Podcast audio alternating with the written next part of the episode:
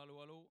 Hallo, alle sammen, og hjertelig velkommen til denne boklanseringen eh, som vi i Tankesmien Agenda gjør sammen med Respublika Forlag. Jeg skal straks eh, skru over til engel, engelsk, men eh, vil bare si vi er veldig veldig glad for å kunne samarbeide om dette. Norges beste forlag som har publisert og oversatt boken 'Butler for verden', som er eh, en viktig bok på et viktig tidspunkt. So I had a I had a little chat with Oliver uh, before uh, before this uh, event, and I said uh, I think we might I think we might do a, a, bit of fun about British politics, and he said, uh, "Why? What's happening?" Uh, anyhow. we're extremely proud to have you here. We know you have an intense program in Norway, you will be here, you'll be at Coconomics, the economics festival in Stavanger, and then you'll do. And I think it's my turn to be prime minister next week. Yeah, yeah, yeah. That, that's that's why you're here, actually. Um, anyhow, you, you, first you'll be able to talk for a while about your book uh, and the English title, Butler for the World: How Britain Become the Servant of Tycoons, Tax Dodgers, Kleptocrats, and Criminals. Nonetheless, I mean the subtitle sort of says it all. Um, I have to say, on my way here, I was thinking uh, it's something about every meeting we attend to, at least in agenda these days. Uh, uh, they start with a reflection about, well, we live in times of crisis, right? It's like it's almost become a cliche. Um, and then I'm really proud and happy that uh, we are able to get your message out, Oliver, because we have a lot of different crises going on, but it's, it seems to me that the inequality crisis somehow lies beneath all of those. And your book goes, uh, it doesn't, it's not only about the contemporary crisis, you, you really go back and you, you sort of uh, trace the historical reasons for this as well, well. And I think that's important to address when we are in a time of acute crisis. Uh, but uh, you know your book best, so I will leave the word to you, and then we'll ha uh, we have a, a, great panel afterwards. Uh, I think we will have a really interesting discussion. But for now, please give Oliver Bullough a great warm applause.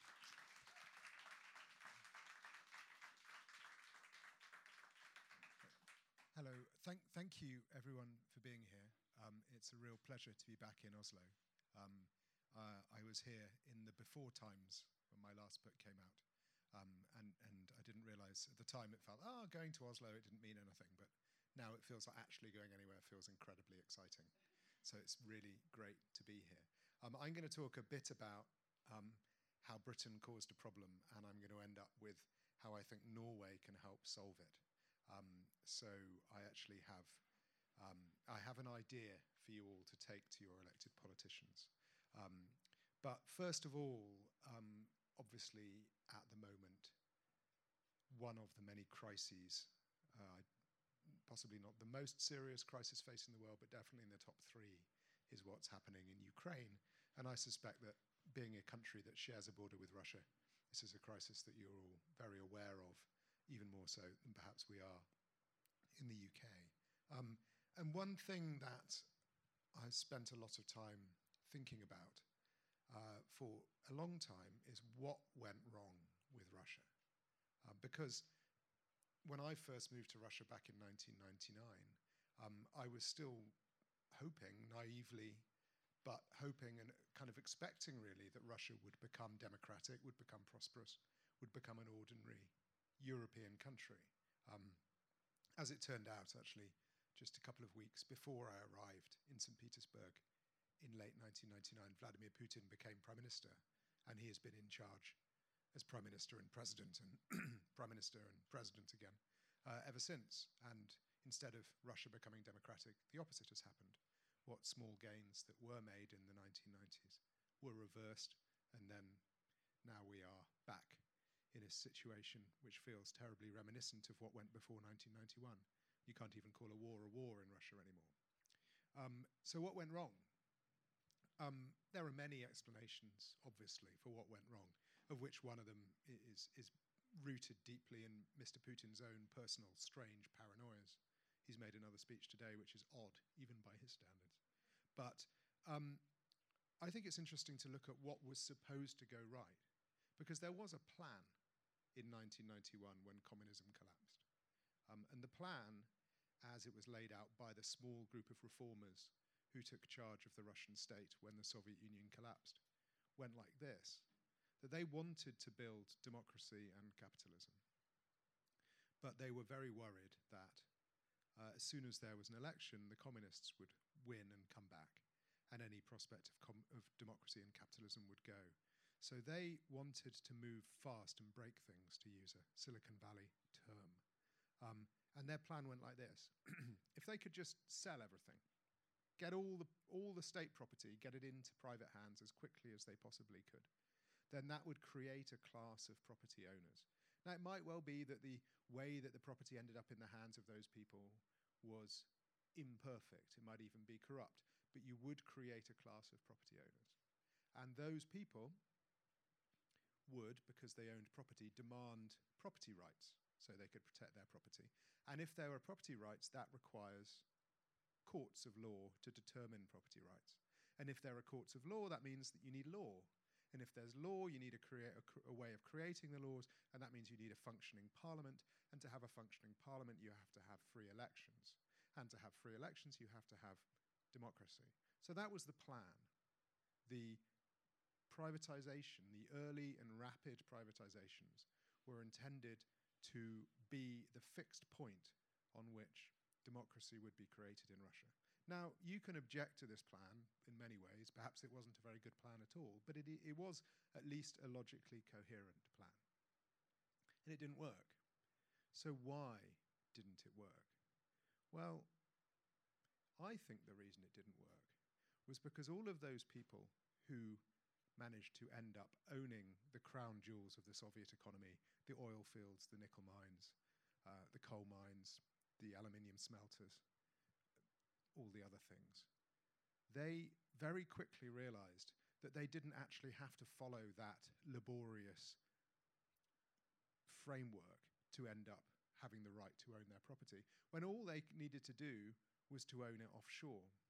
If they owned that property via companies registered in foreign uh, countries, tax havens like the British Virgin Islands or countries like the UK, then essentially they, they could just gain property rights immediately. They didn't have to bother creating them in Russia, they would already have them.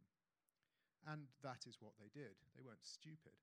They were able to, expro- uh, to export incredible quantity of wealth from Russia and have continued to do so. Um, Russia is unique among large countries. This is certainly true up to February this year. I suspect the picture may have changed, but up to, up to February this year, it was unique among large countries in that more than half of the entire country's national wealth was owned outside of Russia. The equivalent figure for European countries, the average for European countries, is approximately 10%. Russia, 51%. An incredible amount of national wealth had been exported and spent overseas. And because Russia is an extremely unequal society, where wealth is held in very few hands. What we mean is that the oligarchs have essentially stolen everything and shipped it outside the country and spent it on things outside the country. And that destroyed any prospect that that original plan to build democracy in Russia would work. In fact, it did worse than that because it created a class of people who were essentially colonizing their own country. They were operating in the way that a colonial administrator would have operated in India or in Angola or in Algeria, that their sole goal in their term in office was to take as much wealth as they could to get it home. And that, I think, is one of the reasons why Russia went wrong. Because all of the people who dominate Russia, all of the people around Mr. Putin, have got incredibly wealthy thanks to their connections to him. And that wealth, they have taken a large part of it outside Russia, leaving Russia essentially to, you know, they don't, in a way, it doesn't really matter to them what happens to Russia because they're going to be wealthy whether it falls or stands. Now, which countries are to blame for having done that? Well, at first, lots of places were.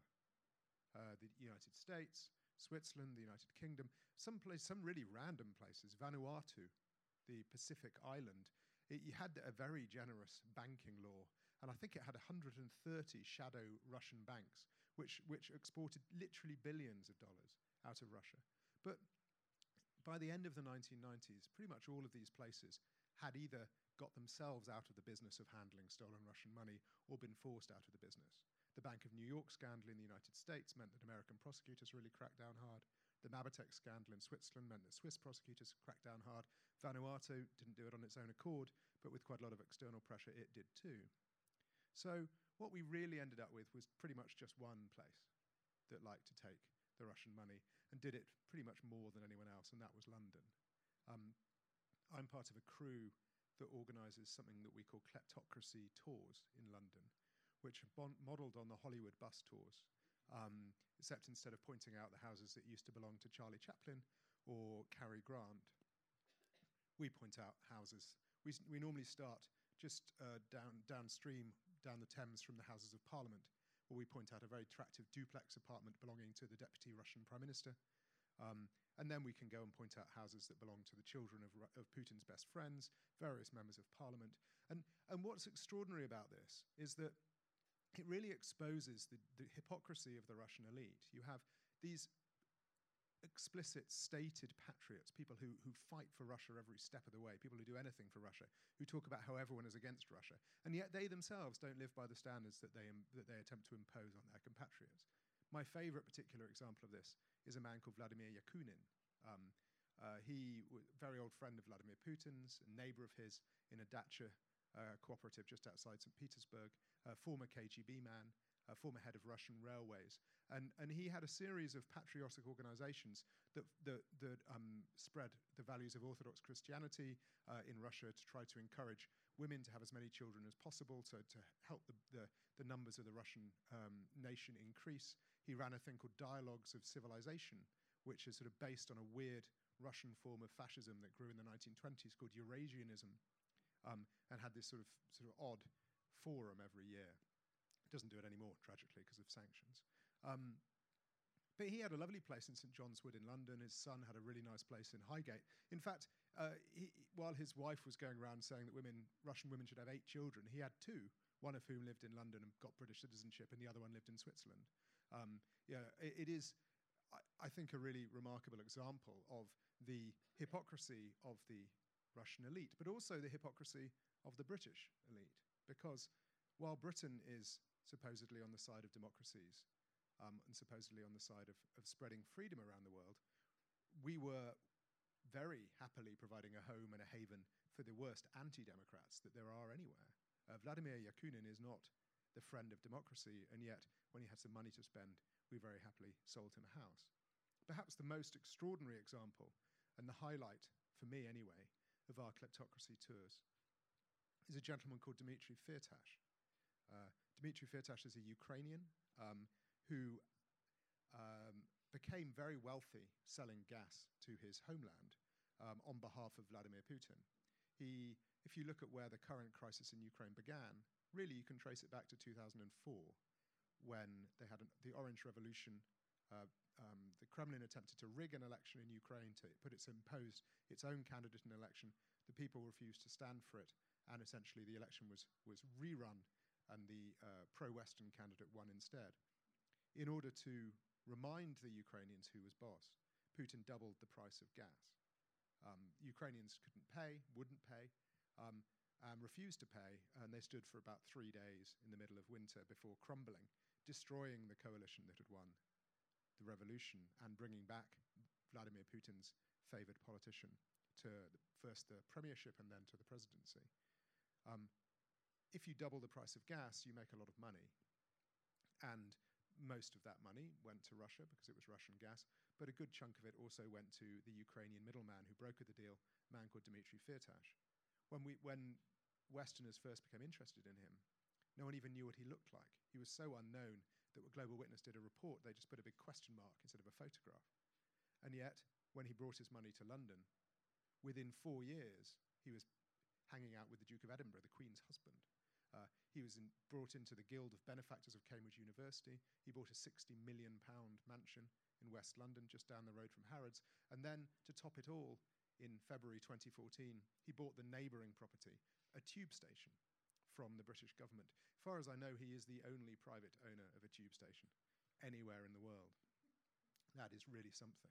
But just to really ram the point home that there is a different way of approaching questionable fortunes, literally two weeks after he closed the deal on his tube station, the Americans unsealed an indictment against Dmitry Firtash, um, demanding his arrest on corruption charges. And ever since he's been battling extradition, he's stuck in Vienna. He's never been able to enjoy or use his tube station at all.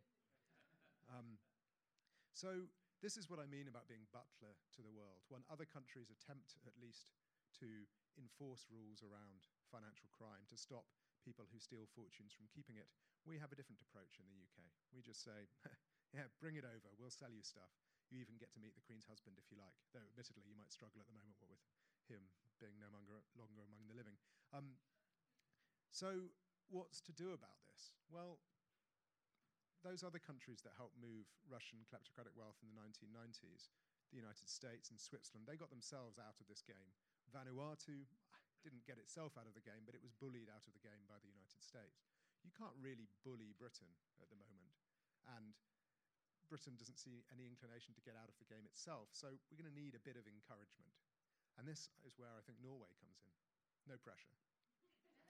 um, I was really um, interested to attend a seminar by the uh, Ethical Council, Ethics Council of the Norwegian Pension Fund in London recently. They asked me to talk about kleptocracy. Um, and I knew that the Norwegian Pension Fund was big, but I didn't realize quite how big. Um, was it one and a half one and a half percent of all the shares in the world? You guys are absolutely loaded. um, um, but that, you know, is a really interesting opportunity to create a better world because while most big investment funds, you know, BlackRock or whoever, are focusing entirely on the profits they can return to investors, because your one is democratically controlled, you could actually demand something different. And I wouldn't it be exciting if an accountancy company has been found moving money for a kleptocrat, whether in Russia or South Africa or Malaysia or wherever, and the Norwegian pension fund could say, no, you're not allowed to work with them anymore. Otherwise, we won't invest in your company. Or what if lawyers had helped to bring cases against investigative journalists on behalf of kleptocrats? And you could say, no, you know, we're not going to have anything to do with you anymore. You would add a, a sort of good money to counteract the bad money. I think that would be amazing. So, any politicians in the room, you can have that idea for free. Um, anyone who knows any politicians in the room, please, you know, go and twist their arms and say, because we need all the help we can get right now. Britain isn't going to get out of the butlering business on its own, and it would be really useful to have you twisting some arms for us. Thanks for listening.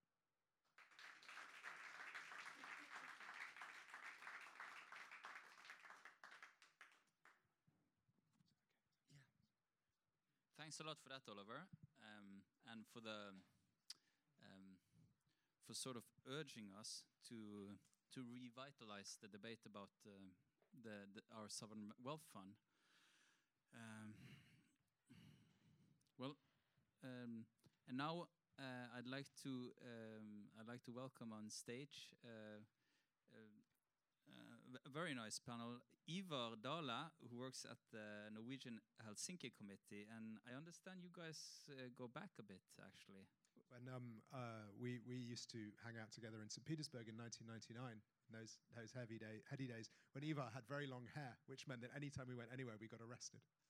Ah, really? Yeah. yeah. Yeah, we conjugated our first Russian verbs together and then went on trips around Russia to Vologda and such places where we always got picked up by the police. We saw the inside of police cars in many different Russian cities. And then you cut your hair and got a job, as we say. in Yes, Norway. yes, that's Yeah. went. Yeah. but what? wa- wa- uh, well, uh, can I just start with that because it's, well, it, I guess it's a sort of human interest value. but but but uh, but uh, when you guys uh, met back then and you looked at Russia like you did with, I mean, ICE of 1999. Did you, Ivar? Did you also have some of the same thoughts as Oliver? Well, it, I think uh, the Russia that we were in then, it was. Um, it's very interesting now to read uh, his, like the, all the history books that are coming out, uh, where they explain what was happening in St. Petersburg in 1999. Because uh, of course you can you can't see it when you're in it in a way. Uh, so I, you know, the student house that we lived in, it was right near this um, dock, the St. Petersburg docks, which now, you know, when you read these uh, big uh, books like uh, Putin's People, you realize that's where it was all going on, the whole mafia thing. Uh, all the all the characters that we read about in the newspaper, trying to you know make heads or tails of the political scene in Russia, understand who is who, who are the bad guys, who are the good guys. All of those people would go on to become names that you you you know uh, uh, that are just familiar to everyone nowadays. But back then, no, I thought like Oliver, this is you know this is a murky place right now, but it's going to move Yeah. towards democracy. One- One of the newspapers had assassination of the week. Remember? Right? Yeah, Yeah. yeah. There would- it like was- the, the, the most flashy assassination. Yeah, I mean, it was Yeah. it was it was wild, but it would but it was you know you, you can't see the dynamic when you're in it. So you felt well, these are just you know growing pains, you know, Yeah. like uh, you know America in the 1920s or something. That it's you know it, it's all going to be okay. Actually, that was kind of the high point. Yeah, But the point you're making about how Britain is sort of complicit in this, since it's become a, a haven for the oligarchs, is that a vital debate in Britain? This year, because of what's happened in Ukraine, there's been much more discussion of this. Mm, Um, so I think we have there is more awareness mm, of what we did. But it's kind of amazing to think about the things that didn't provoke that debate. Um, you know, in 2018, uh, Vladimir Putin sent p- poisoners with Novichok to Salisbury Yeah. to kill uh, a Russian dissident. 2014, he annexed Crimea. 2008, he invaded Georgia. 2006, he poisoned Alexander Litvinenko with polonium 210, an incredible, probably the most dangerous substance in the entire world, in the middle of London. mm, And that wasn't enough mm. to disrupt uh, the flow of money. So you know, it's it's there's been a lot of things happening. So how? I mean, I think we. Well, from a Norwegian perspective, you might disagree, but if stuff like that would happen in Oslo, you know, if someone would be poisoned with plutonium uh, at Youngstorget, you know, the, the the square, famous square that's 200 meters from. I think we would have sort of like a public debate, and there would be some call for action. Why didn't uh, Why didn't it happen? Um, there's a lot of money involved. I think. I mean, it, it's really extraordinary how you know Alexander Litvinenko died. The, the the next Sunday, the Sunday newspapers are always big newspapers. The, the the front page article on the front of the Sunday Times, which is the big establishment newspaper, quoted a cabinet minister, unnamed cabinet minister, saying the Russians are too important to fall out with over this. Uh, you know, a British citizen, a guy who'd come as a refugee, gained citizenship, had been killed with polonium 210, a substance which a gram of which could kill the entire population of Britain and France. It's Mm. an unbelievably dangerous substance in the middle of London, splashing this stuff around like it's you know aftershave, and um, and they're too important to fall out with over this. Yeah, Mm. I mean it's it's an it's an astonishing I- thing. is it like a, an elite discussion that that that it just you know the people reading the guardian and people who are who they will notice it but it won't be enough to change the electorate in somehow Um, I think even then, it, it, it didn't. Even then, it didn't really land. It's, I mean, it's astonishing to think about it now. There were some journalists writing about it, but even I hadn't really started writing about this yet. Then, I, you know, I was writing about you know Chechnya and human rights abuses, Mm. um, but I wasn't writing about the money yet. It took a while. ingrid Hjertaker, you work in tax justice norway and it's a part of a uh, oh, well, you- well you work many places Uh, i know you work at NUPI, but you're part of tax, tax justice norway Høgskolen Innlandet. Yeah. oh well y- y- y- anyhow you're a researcher and Which is better than tax justice. Uh, and and and you're a part of tax, tax justice Norway, and in tax justice Norway is a part of tax justice in international, Yeah. which Mm. works for tax justice. Uh, and I remember very very well when we hired um, our the, the, the the guy who's the head of the the sovereign wealth fund. Uh, you had uh, had an article together with uh, someone I think is present in the room uh, about. About maybe we shouldn't hire this guy because he has a lot of money stacked away in the Cayman Islands.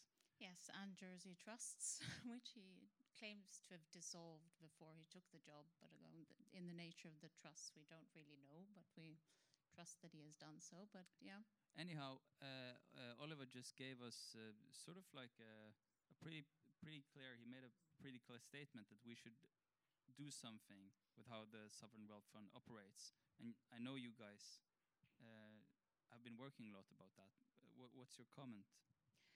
Well, I think the tax the I just to clarify, I don't work for Tax Justice Norway anymore, but I used to, and I think uh, organizations like Tax Justice and Transparency or uh, International, a lot of Norwegian NGOs work to push the Sovereign Wealth Fund to do this uh, and to use their power and presence in the global economy to do to set some demands for the companies they invest in. I think their massive size, as Oliver points out, is of course a source of great power, but it's also a problem in the sense that they don't really have a classic exit option of certain sectors. They're just too big. So they can move into they can move out of certain sectors, but they have a problem. They have just too much money, and where are we going to put it? So that's in conversations with them. That is also something they address. Is like, yes, we might not like that Facebook does aggressive tax planning, but it's very difficult to move out of that company because where would we put the money? So they, rather than the exit option, they are trying to do stuff like talking with companies, asking them to behave better on issues like tax and transparency, and trying to use um, threats, letters, attending general assemblies for voters and stuff like that. But what the problem with such a big fund is that they don't really have an exit option because they're so big and there's very few other places they can be than in all uh, the stock uh, market companies in the entire world. So while I do think it is one important venue, I think governments, through their regulations, as Oliver points in their books, it can't really the, the sovereign wealth fund can help but i think it's only through government uh, regulation and prosecution investigation that needs to be well funded as oliver points in his book how ridiculously under-resourced british financial crime authorities are compared to the problem they're facing. And while britain is a, of course a really extreme case in this sense i think we also have this problem in norway Økokrim will complain that yes, we receive thousands and thousands of suspicious uh, action reports from the banks, but we don't really have the people to follow all of them up. So this, while I do think it's a promising avenue to use the sovereign wealth fund, given that they can't really realistically threaten to exit an entire sector and an entire country because of problems, they're just too big and where are they going to put the money? They have the same kind of problem that large asset managers such as BlackRock and State Street also have. They're just too big to have the classic, you know, voice exit or loyalty um, options that you have. They don't really have an exit option. Any any comments on that, Oliver? It's a nice problem to have, isn't it? yeah, yeah. It's too Um, big to. I mean, I'm, big I mean, I can, I can see the argument. Though it's interesting. I was the last time I was in Oslo. I was speaking to someone um, also on the Ethics Council, who made a similar point, saying that they have to invest across the index. You know, they've got so much money, they have to invest across the index. You know, there's the DAX index, there's the FTSE index, there's the Dow Jones. They invest across the whole thing. And I'm saying, you're the Norwegian sovereign wealth fund. Have your own index. I mean, if you went if you went to an index compiler and said we want our own index, they would make one for you the next day. I mean, it's when you're that rich, you know, you are. Yeah, you're you are the ultimate to buy side. Now, I, I mean, I, I can see your point, but at the same time, you can, you know, it, it's uh, it's perfectly possible to divest yourself of Facebook. Well, I entirely agree with this, but we have Yeah. this very religious belief in Norway, like the Virgin Birth, that the sovereign wealth fund is not political.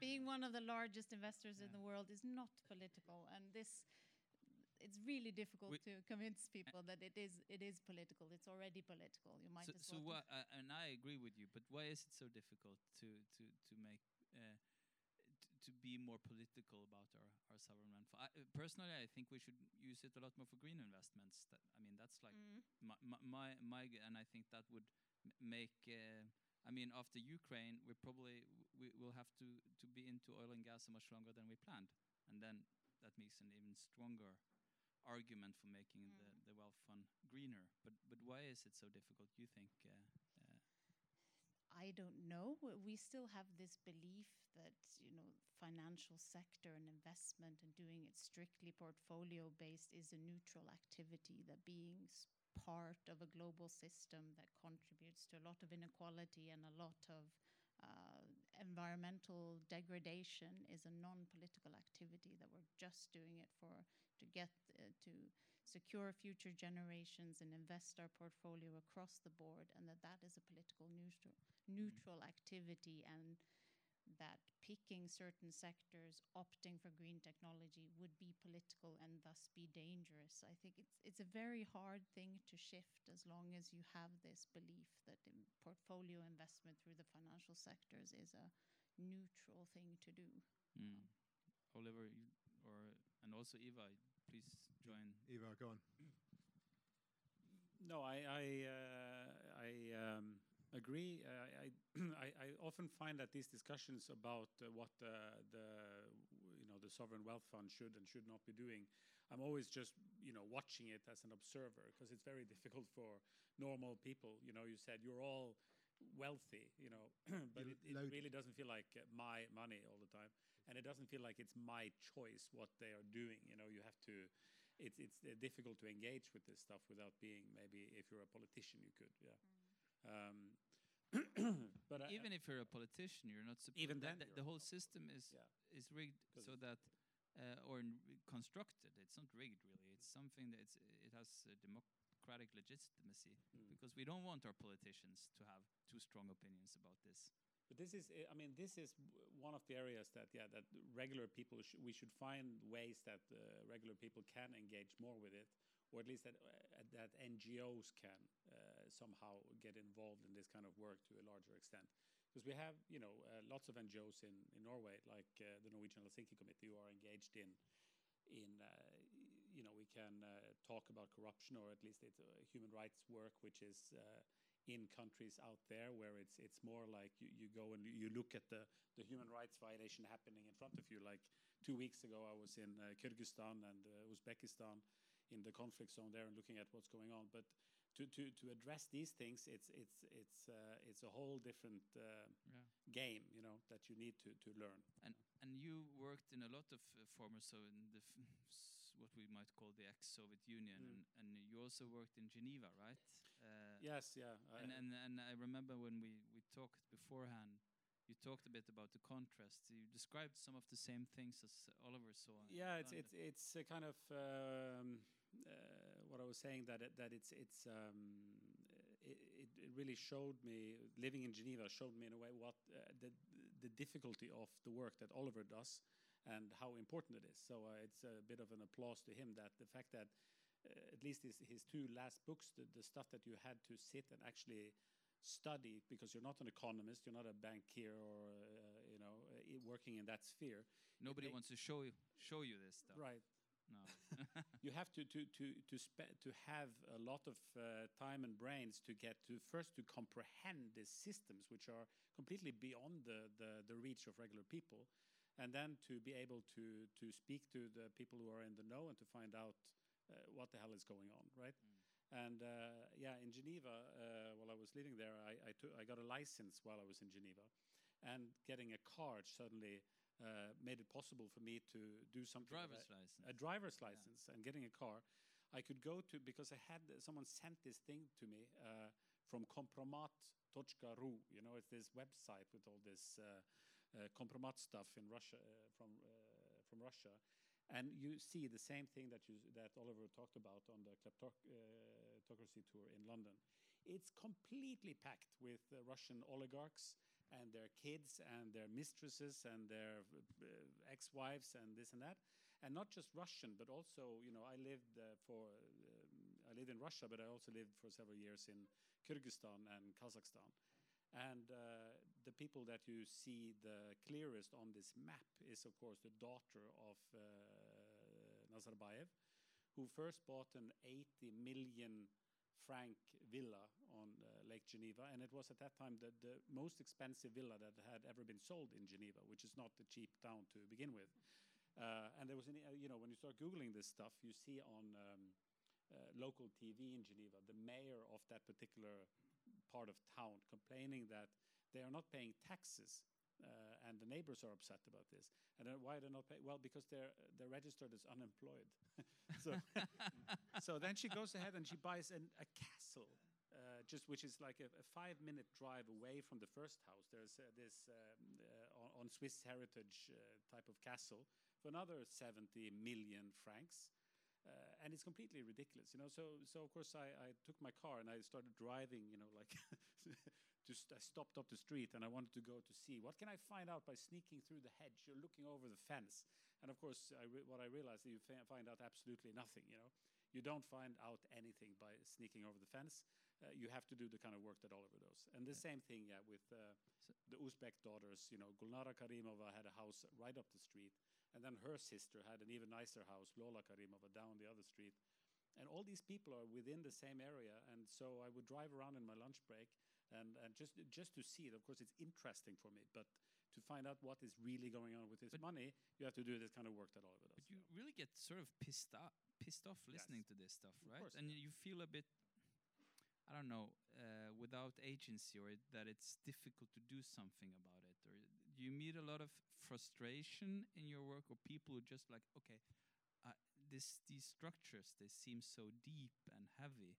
Um, are there any? Ex- well, there are so many things. First, I want to talk. Just ask you, how difficult is it to find to research and, and, and research this stuff that you, you've been doing. I mean, there's it is difficult, um, but there's an awful lot of it. So, Mm.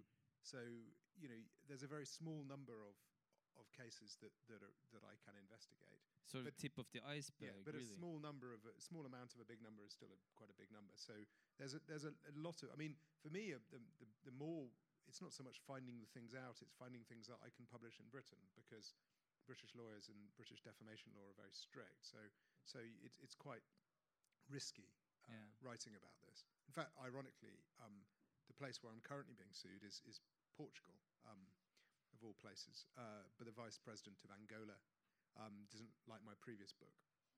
Um, And they sue you personally, or they sue the, oh, the me, per- me personally, yeah, and the publisher in Portugal, but not the British publisher because they had insurance. But if you lose, you have to pay, or the publisher pays. I, I would have to pay seven hundred and fifty thousand euros.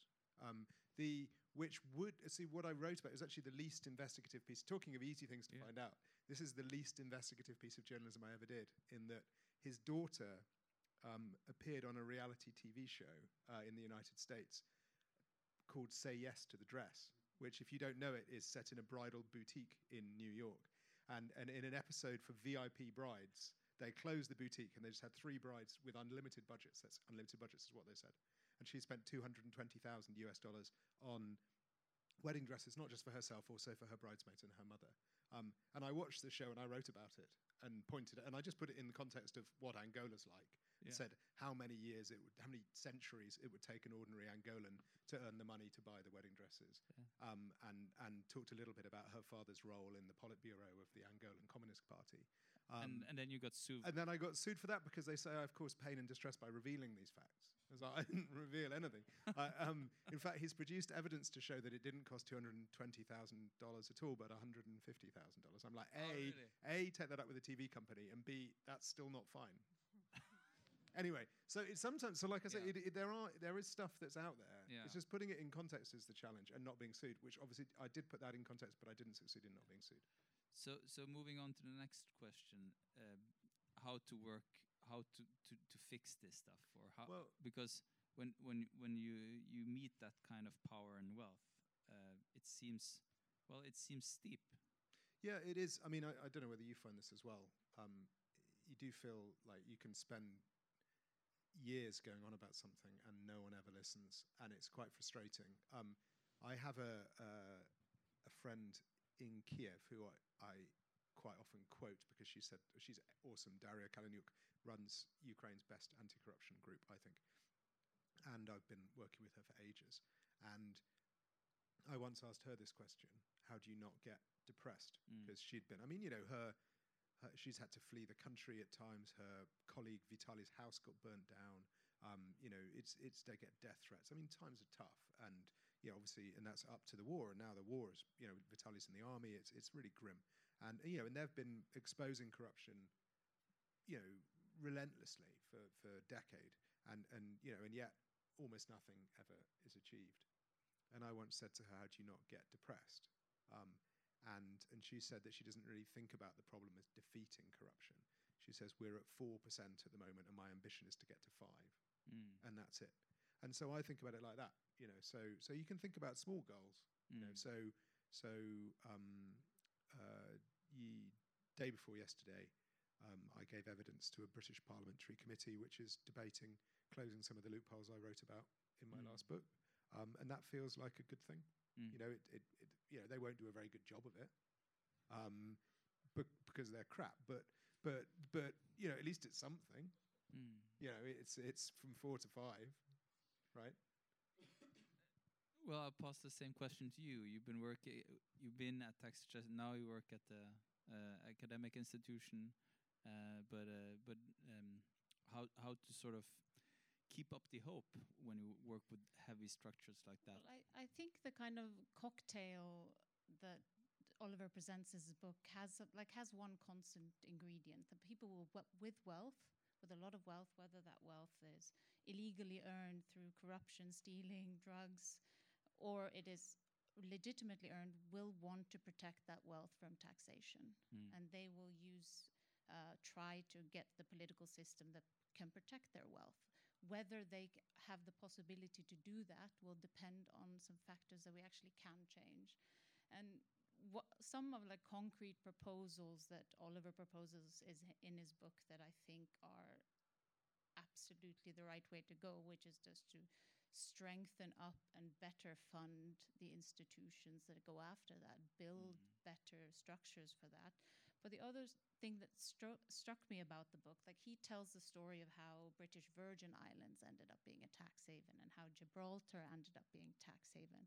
And it's very much a possibility of countries facing no real growth model. Where is their revenue going to come from? And in desperation, they grasp this possibility. If we just changed our corporate legislation a little bit like this, our Mm. tax legislation a little bit like this, we can get this massive international business that will generate lots of revenue for our government coffers. Mm. And what this book is for striking for me is that a large country like the UK used to be the dominant economy in the world in the in 19th century. It was, you know, the, the, the, the hegemon of global trade. And you see that starting from the 50s, when it loses its empire, when it's no longer an industrial champion, doesn't really have a reliable growth model. And then you see politicians and bureaucrats start believing in the absolute fiction that what is good for the financial sector is good for the rest of the Mm. economy. What's good for the city is good for the UK. You know, Tony Blair believed this, and I think those of us with our political leanings believe that the 2008 financial crisis would just kill that belief and like trickle down from the financial sector forever. But what Oliver shows is that that belief is still present. So I think But- another task is to, to present for those of us who want to change this. We also need to present also small societies like the Cayman Islands, the British Virgin Islands, but also big countries, an alternative growth models that politicians can latch onto so they don't feel that their only source of revenue is just trying to competitively deregulate and lower taxes from their financial sector. But, but it's and this is a question for all of you. But is it really a question about belief, or isn't isn't it just,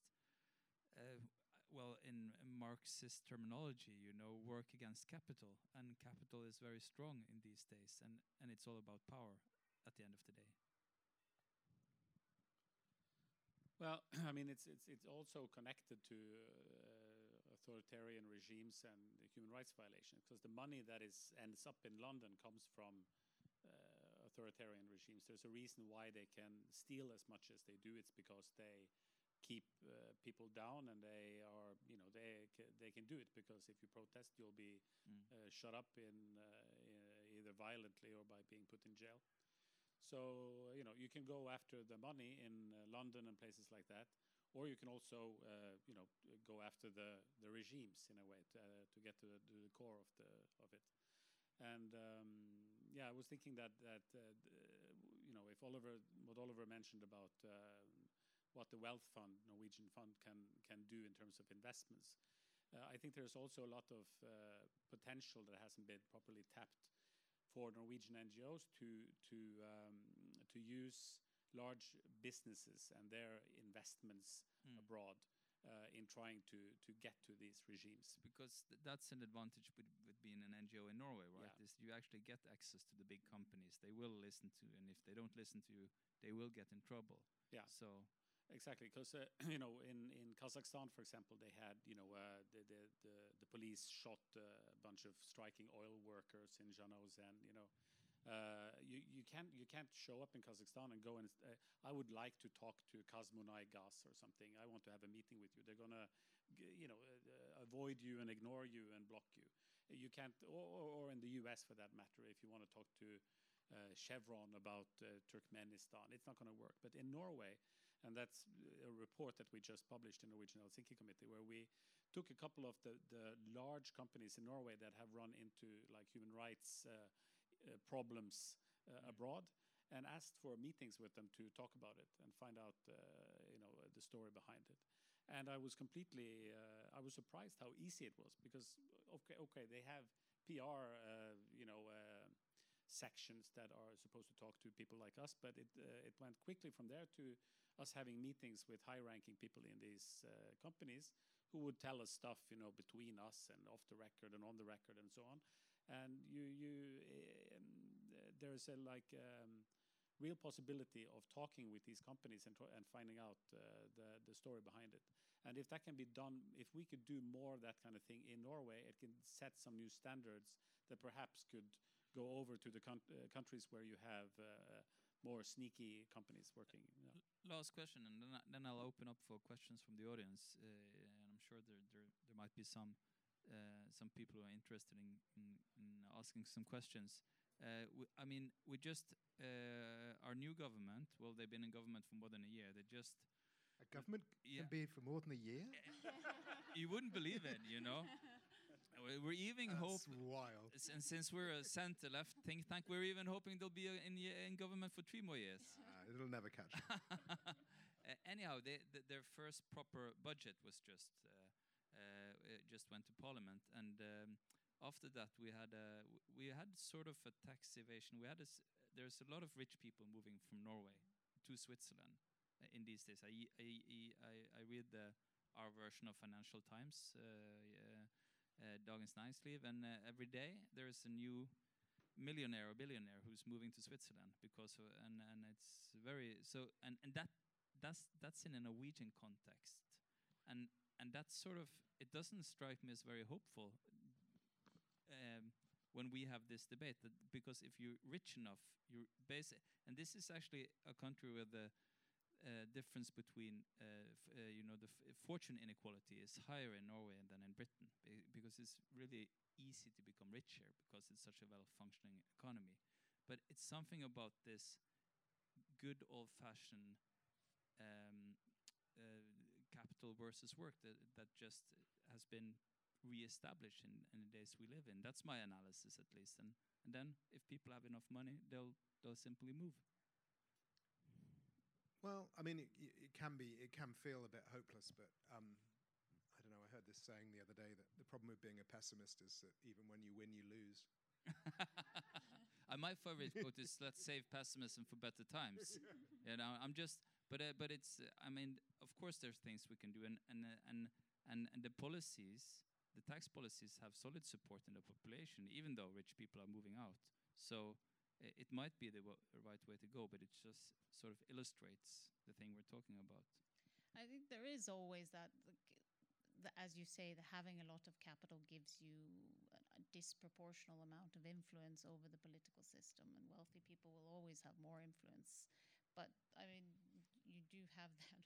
Although the people who are not super wealthy have the advantage of numbers, and we have the advantage as long as we still have a functioning electoral democracy, we can still try to pass the, the tax policies that we like. And you have I think there's also that Norway needs to learn now that we've just decided that we're going to tax uh, salmon farms a bit more. And there was a lot of screaming about how now no one would want to invest in salmon farms along the Norwegian coastline, even though it's still going to be very profitable, just slightly less profitable than it used to. Um, and Do you like salmon, Oliver? No. That's re- yeah. oh, he's a Yeah. vegetarian. No, no money from him then. I'm a pescatarian. I do eat, I do eat fish occasionally. Yeah. Remember the pizza, the the uh, miracles of the sea, bacon. But there is this belief that that if we lose the wealthy people again trickle down, it will be the the cost to the Norwegian economy will be greater than just the money they move because it will disincentivize investment. And we have empirical data and historical experience suggesting that this trickle down model doesn't work. So I think it's just the opposite way. Just keep hammering them that you know even with slightly higher taxes, the Nordic model research has been saying this for 20 years. You know, initial hyperglobalists said that in a world of capital mobility, Scandinavian countries, the Scandinavian model is doomed, right? It will not be profitable to invest in a, in a country with high taxes and high wages. We're still here, still doing pretty well. Even even our neighboring countries that don't have oil do pretty well. So it turns out that it decisions to invest in a country aren't solely due to regulations and taxes. And I keep reminding politicians to not be threatened by those um, uh, billionaires Yeah. that want to leave. And the U.S. they have a very nice exit tax for for their millionaires. If they want to leave, they have to leave some of their money. So you might want to consider that as, as well. Yeah, yeah. And I took about a week, and people started investing in Salmon again. I Yeah, yeah. noticed.